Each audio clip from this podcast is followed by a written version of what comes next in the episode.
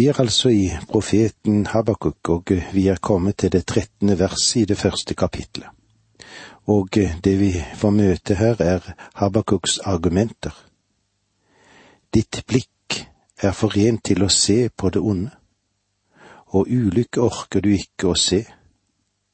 Hvorfor bærer du deg over med de troløse og tier når gudløse sluker dem som er rettferdigere enn de selv? Ditt blikk er forent til å se på det onde, og ulykke orker du ikke å se. Det er en sann påstand. En hellig Gud kan ikke se på det onde og ulykke. Det er grunnen til at ingen kan, kan dra til himmelen og ha synden med seg. Det er derfor vi alle sammen trenger å ha tilgivelse for vår synd vi trenger alle den rensende kraft som lammets blod gir oss. Vi må få en ny natur. Vi må bli født på ny. Selv Nikodemus, han som var en meget religiøs mann, han trengte å bli født på ny. Han trengte å ta imot og få en ny natur. Religion, den renser ikke bort synd. Det er Jesu Kristi blod som gjør det. Han som døde for oss og sto opp igjen, som vil ta bort vår synd. Gud kan ikke se på ondskap. Han vil heller aldri se på ondskap. Og det er derfor det ikke er noen hemmelig inngang til himmelen. Det finnes ingen mulighet verken for deg eller meg før vi er kommet til det rette punktet i livet vårt med syndespørsmålet. Vi må stille oss inn for Guds åsyn gjennom Jesus Kristus. Du skjønner at når Gud tilgir deg, så er det fordi straffen for din synd er blitt betalt av Hans sønn. Gud er ingen sentimental gammel herre som ikke har hjerte til å dømme små mennesker her nede på jorden. Gud er en hellig Gud. Han vil ikke se på ondskap. Din synd må du bekjenne og får tilgivelse for, ja, du må gjøre det før du kan bli akseptert av ham. Hvorfor bærer du deg over med de troløse? Habakuk sier, du kan ikke stole på disse babylonerne. De er syndere, de er en samling av falsknere. Han hadde rett, de var det. Men Gud ville bruke dem for å nå sitt mål. Dette er skremmende for meg. Du må ikke ta vare på den ideen og tro at Gud ikke kan bruke en gudløs stat til å tukte andre stater. Vi kan gå gjennom historien og se at dette gjentar seg gang etter gang. Og jeg er kommet til den konklusjonen at Gud fremdeles beveger seg mellom folkeslagene i verden. Du og jeg, vi kan kjenne oss skremt av det vi aner som ligger foran oss. Men Gud er ikke skremt. Gud har fremdeles kommandoen. Det er ingenting som er utenfor hans kontroll. Han styrer fremdeles universet. Hvorfor bærer du da over med de troløse og tiende og gudløse sluker dem som er rettferdigere enn de selv? Habakuk sa noe galt her. Det er ikke snakk om dem som er rettferdigere enn de selv. For ingen er rettferdige. Han skulle heller ha sagt, det mennesket som er en større synder enn han er. Men Gud sa ikke at han ville tukte på det grunnlaget. Gud vil bruke babylonerne til å tukte sitt folk. Dette fører oss til noen av de mest uttrykksfulle vers i Guds ord. Og vi leser vers 14 til 16 i Habakuk i det første kapittelet der. Du gjør med mennesket som med fisken i sjøen, som med krypet uten hersker. De drar dem alle opp med krok og haler dem inn med not. De samler dem i garnet. Derfor er de jublende glade. Derfor ofrer de til noten og brenner røkelse for garnet. for fangsten disse gir dem, er fet, og nærende er føden. Du gjør med mennesket som med fisken i sjøen, som med krypet uten hersker. Det henviser til den kyniske måten som babylonerne behandlet sine fiender på. De behandlet dem som fisk eller kryp som ikke har noe forsvar. Krok og not og garn representerer hæren og våpnene som ble brukt av babylonerne for å føre sine militære felttog. Gud bruker også det til å fange fisk. Dette er en billig måte å uttrykke det på, men han fanger fisk for å berge dem, ikke for å ødelegge dem. Du husker sikkert hva Jesus sa til noen av sine disipler som var fiskere. Dere har fanget fisk, og det er bra, men nå gir jeg dere oppgaven med å fange mennesker. Matteus 4,19. Å være i den største forretning i verden, det er å være en fisker. Og det er det jeg ønsker å være, en menneskefisker. Vi skal fange mennesker, ikke for å ødelegge, men for å berge.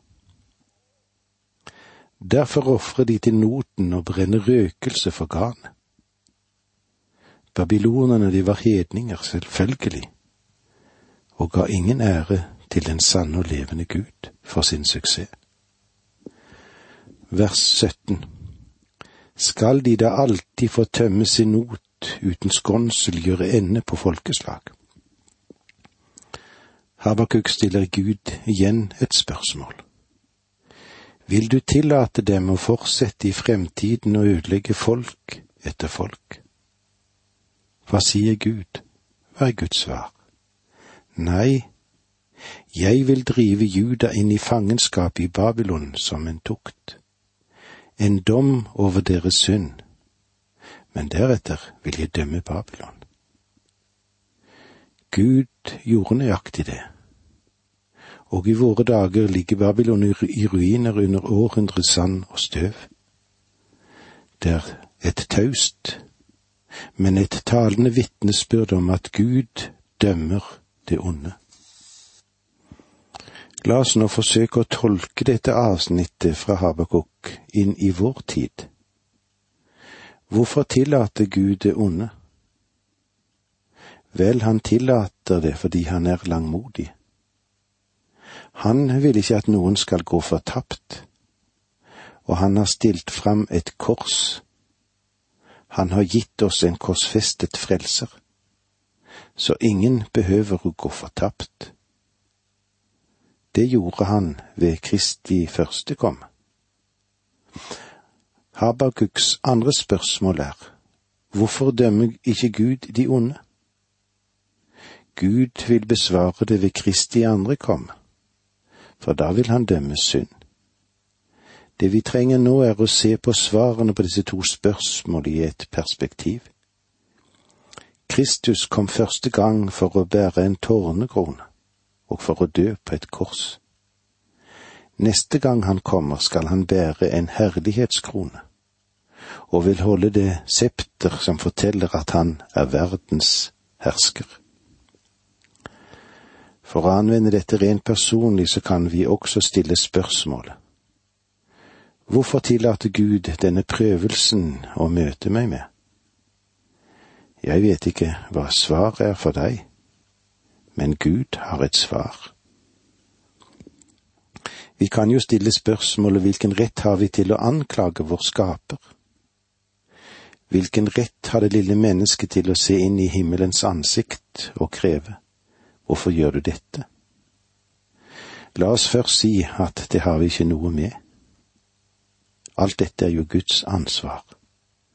Dette er hans univers og han driver det frem som han vil. Og vi kan stole på ham. Du kan stole på ham. Han har hele frelsesaken i sin hånd, og den er tilbudt deg gratis. Og med disse ordene sier vi takk for nå, må Gud være med deg. Dette undervisningsprogrammet består av to deler. Åge Nevland fortsetter nå med andre del av dagens undervisning. Vi er i profeten Habakuk, og vi er nå kommet til det andre kapitlet. Og vi vil se profetens oppfatningsevne. I det første kapitlet så vi at profeten var noe forvirret. Nå har profeten lært at Gud har svar på spørsmålene hans. Han besvarte hans første spørsmål, som reiste et større spørsmål, men Gud hadde et svar på det også. Men den rettferdige ved tro skal han leve. Etter å ha bedt regnet profeten med et svar, og han ventet på det. Når kom det tro? Ville det være slik at det kan misforstås? Men inntil vi ser øye til øye, må vi leve i en enkel tro på Gud. Du skal legge merke til den underfulle sannheten som vi ser i det fjerde verset, i kapittel to. Se, frekk og uærlig er han, men den rettferdige skal leve ved sin tro. Og dette blir nevnt flere ganger i Bibelen. Både i vår tid som den gangen må livet leves i tro. På hvem? På den evige Gud. Gjennom alle perioder med venting er troen den eneste kilden til fortsatt liv. Og i det femte verset står det slik, rikdommen skal svikte den stolte, han skal ikke nå sitt mål. Som dødsrike spiller han opp sitt gap umettelig er han som døden. Han soper til seg alle folk og samler alle folkeslag til seg. Stolthet, trang til sterke drikker, griskhet og vold. Det kan ikke være Guds vilje at den mektige byen skal leve på bekostning av de plager den påfører verden. Fra scenene med anarki og opprør som forutsier dommen over kalderene, går vi nå inn i Herrens tempel, der stillheten og freden hersker. La oss leve i Hans nærhet. La oss være stille for Hans åsyn, all jorden. Om det skulle være slik at du har et spørsmål, så må du ikke skjule det bak noen fromme fraser. Av og til kan han vel høre mennesker si det på denne måten. Å, jeg stoler på Herren. Men i virkeligheten så taler det tydelig om at en ikke stoler på Han. I stedet så stiller de spørsmålet hvert skritt på veien. La meg få si til dere at det er ingen synd å stille Herren et spørsmål. Du må være frimodig. Bare gå til ham og si at her er det noe du ikke forstår. Det var det Habakuk gjorde. Tro ikke at Herren er en svak personlighet, en som ikke tåler å høre spørsmål. Han er ikke heller slik at han ikke kan tåle at du protesterer mot ham. Bibelen, den inneholder mangfoldige slike spørsmål og slike protester. Vi vil nå se litt på profetens praksis. Og vi leser det første verset i det andre kapitlet her i Habakuk. Nå vil jeg stå på vakt, stille meg på min post og speide for å se hva han vil tale til meg, hva han vil svare på min klage. Habakuk sier at han skal stå på sin post. Det kan også bety at han skal stå i et vakttårn og vente. Profeter blir sammenlignet med vaktmenn i flere av Bibelens profetbøker. For eksempel står det hos profeten Esekiel. Menneske, jeg setter deg til vaktmann for Israels ett. Når du hører et ord fra min munn, skal du advare dem fra meg? Slik står det i Esekiel 3,17. Profetene var vaktmenn som skulle profitere for folket, og Gud ville holde dem ansvarlig for å proklamere hans advarsel. I en by med ringmur var vaktmannen den som speidet etter fiender under natten. Og om han var trofast, ja, da kunne byen være trygg. Men om han forrådte byen, eller lot det være å gi alarm når fienden nærmet seg, da var byen i stor fare. Så Habakuk, som var Guds profet, sier at han skal stå på post og vente på budskapet fra Gud. Jeg vil speide for å se hva han vil tale til meg. Og Habakuk sier, Jeg stiller meg i vakttårnet, og jeg vil vente tålmodig fordi jeg vet at Gud har et svar. Jeg vet ikke hva det vil bli, men jeg vet at han har et svar, og han vil gi meg svaret i sin tid. Hva han vil svare på min klage? Det ligger i selve formuleringen her at Habakuk ikke ventet at Gud skulle anklage ham eller kjefte ham huden full fordi han stilte spørsmål om Guds veier. Habakuk følte at Gud ville gi ham det rette svaret så han skulle forstå Guds vei, og han var villig til å vente på det. Gud drøyer så ofte. Det synes sikkert du òg, og det får jeg oppleve mang en gang. Gud drøyer. Han beveger seg så sakte i mye av det han gjør. Gud har til hensikt å gi Habakuk et svar, men eh, det vil komme i Guds tid. Det er vi som har det så veldig travelt. Gud har ikke det. Relativt ofte taler kristne om at Kristus kommer snart. Nå er jeg kanskje litt vrang når jeg spør, hvor i Bibelen står nå det, da? Merk deg hva Jesus sa. Se, jeg kommer snart, i betydningen jeg kommer hurtig. Han sa ikke at han kom på øyeblikket. Det nærmer seg 2000 år siden han talte disse ordene, og det kan neppe kalles snart. Han sa at han ville komme tilbake hurtig. Slik er det også sagt i åpenbaringsboken.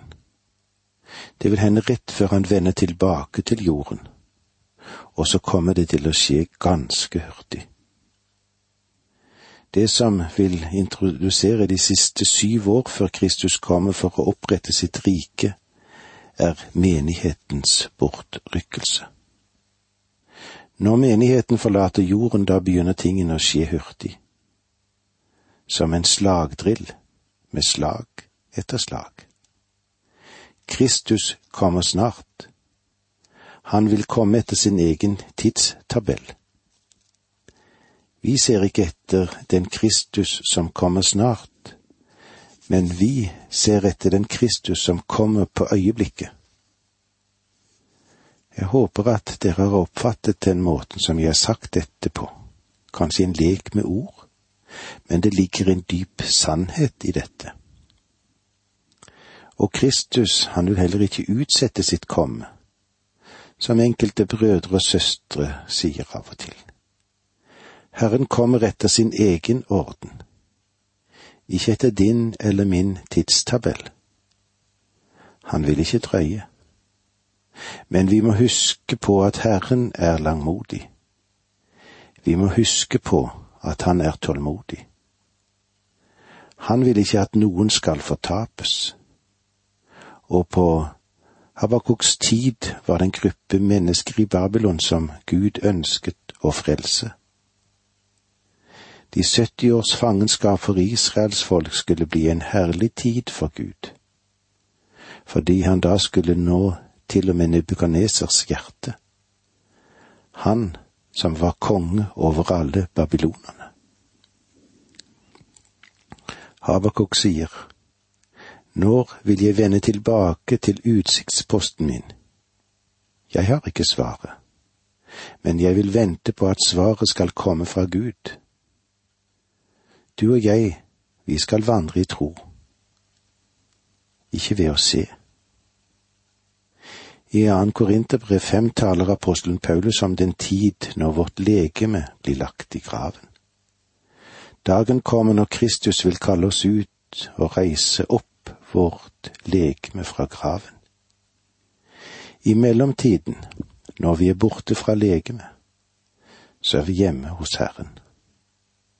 Når vi forlater disse legemer, så går vi for å være hjemme sammen med Herren. Det er et tidsintervall mellom våre kropper som blir begravet og våre legemer som oppstår. Herren maler langsomt, sammenlignet den måten vi mennesker ser tingene på. Det er derfor Paulus setter disse ordene inn på en underlig måte i andre Korinterbrev fem syv, for vi vandrer i tro, ikke i beskuelse. Har du spørsmål som ikke er besvart? Om du ikke har det, så har jeg det. Men jeg har lært svært langsomt og langt fra til fullkommenhet, men likevel lært at min himmelske Far har grunner for det som hender i mitt liv og med mitt liv. Selv om jeg ikke alltid forstår det, så vet jeg at han har svaret. En dag skal jeg få se det og høre det. Både du og jeg, vi trenger å stole på ham. Og med disse ordene sier vi takk for nå, må Gud være med deg.